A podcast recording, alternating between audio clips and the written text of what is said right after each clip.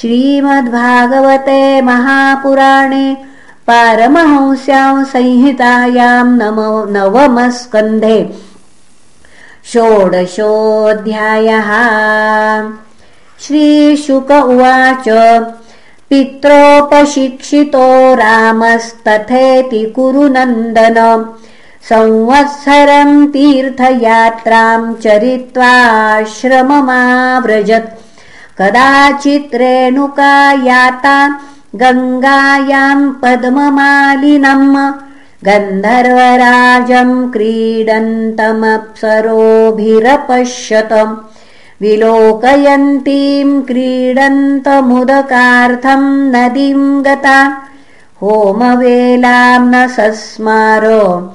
किञ्चिच्चित्ररथस्पृहा कालात्ययम् तम् विलोक्य मुनेशापविशङ्किता आगत्य कलशं तस्थौ पुरोधाय कृताञ्जलिः। व्यभिचारं मुनिर्ज्ञात्वा पत्न्या प्रकुपितो ब्रवीत्। घ्नन्तैनां पुत्रकाः पापामित्युक्तास्ते न चक्रिरे रामः सञ्चोदितः पित्रा भ्रातृन् मात्रा सहावधीत्। प्रभावज्ञो मुने सम्यक् समाधेस्तपसश्च सः। वरेण छन्दयामास प्रीतः सत्यवती सुतः वव्रे हतानां रामोऽपि जीवितं स्मृतिं वधे। उत्तस्थुस्ते कुशलिनो निद्रापाय इवाञ्जसा। पितुर्विद्वांस्तपो वीर्यम् रामश्चक्रे सुहृद्वधम्। येऽर्जुनस्य सुताराजन् स्मरन्त स्वपितुर्वधम् रामवीर्यपराभूता लेभिरे शर्मन क्वचित्। एकदा श्रमतो रामे स्वभ्रातरिव नङ्गते वैरंसि साधयिषवो लब्धछिद्रावुपागमन् दृष्ट्वाग्न्यगार आसीन मा वेशितधियम् मुनिम् भगवत्तुत्यमश्लोके जघ्नुस्ते पापनिश्चयाः। यच्छमानाः कृपणया राममात्रातिदारुणाः। प्रसह्य शिर उत्कृत्य निन्युस्ते क्षत्रबन्धवः। रेणुका दुःखशोकार्ता निघ्नन्त्यात्मानमात्मना।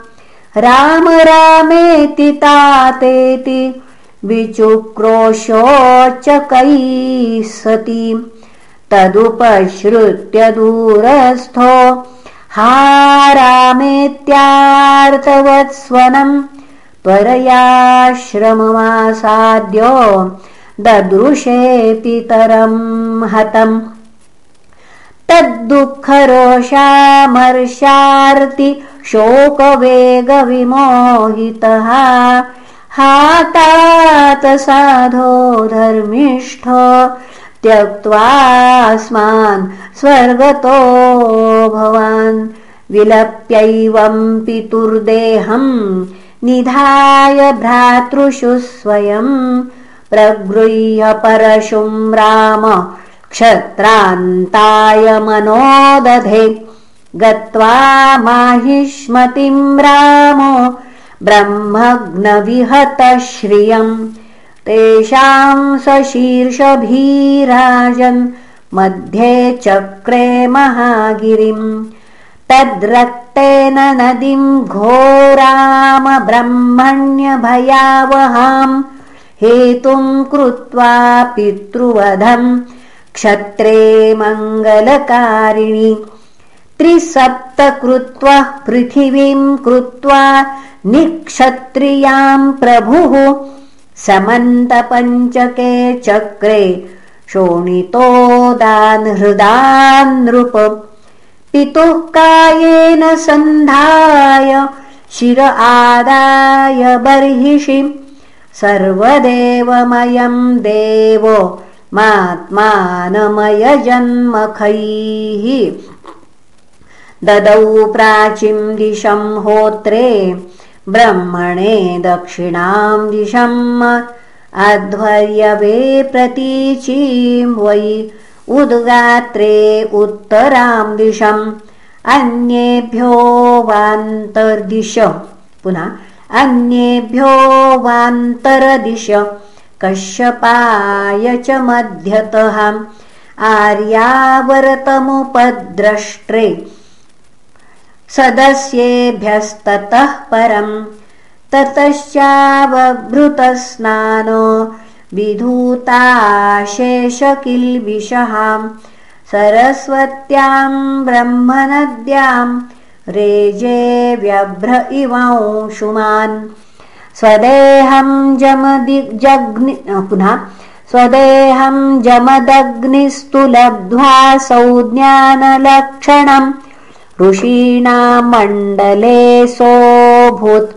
सप्तमो रामपूजितः जामदग्नोऽपि भगवान् रामः कमललोचनः। आगामिन्यन्तरे राजन् वर्तयिष्यति वै बृहत्।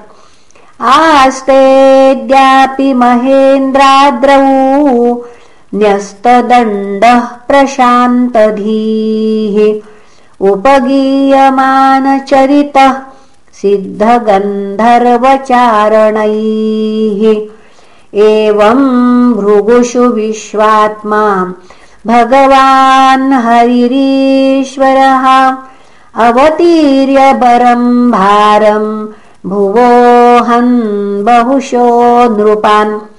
गाधेरभून्महातेजा समिद्ध इव पावकः तपसाक्षात्रमुत्सृज्य यो लेभे ब्रह्मवर्चसम् विश्वामित्रस्य चैवासन् पुत्रा एकशतम् नृप।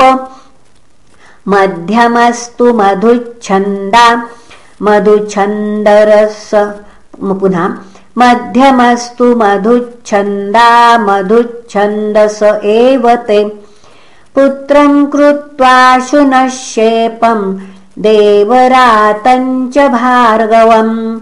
आजीगर्तम् सुतानाहो ज्येष्ठ एष प्रकल्प्यताम्।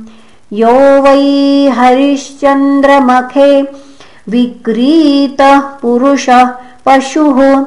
स्तुत्वा देवान् प्रजेशादीन् मुचे पाशबन्धनात् यो रातो देवयजने देवैर्गाधिषु तापसः। देवरात इति ख्यात शुनश्येपः स भार्गवः। ये मधुच्छन्दसो ज्येष्ठाः कुशलम् मे निरेन तत्। अशपत्तान्मुनिः क्रुद्धो म्लेच्छाभवत दुर्जनाः। स होवाच मधुच्छन्दाः। सार्धम् पञ्चाशताततः। यन्नो भवान् सञ्जानीते। तस्मिंस्तिष्ठामहे वयम्।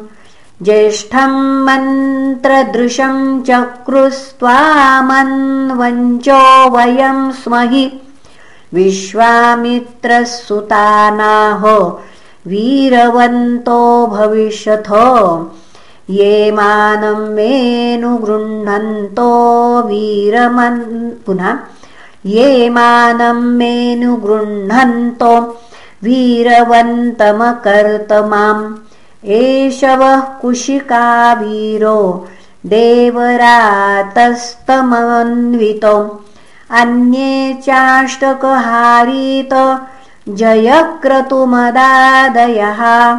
एवं कौशिकगोत्रन्तु विश्वामित्रैः पृथग्विधम् प्रवरान्तरमापन्नम् तद्धि चैवम् प्रकल्पितम् इति श्रीमद्भागवते महापुराणे पारमहंस्यां संहितायाम् नवमस्कन्धे षोडशोऽध्यायः श्रीकृष्णार्पणमस्तु।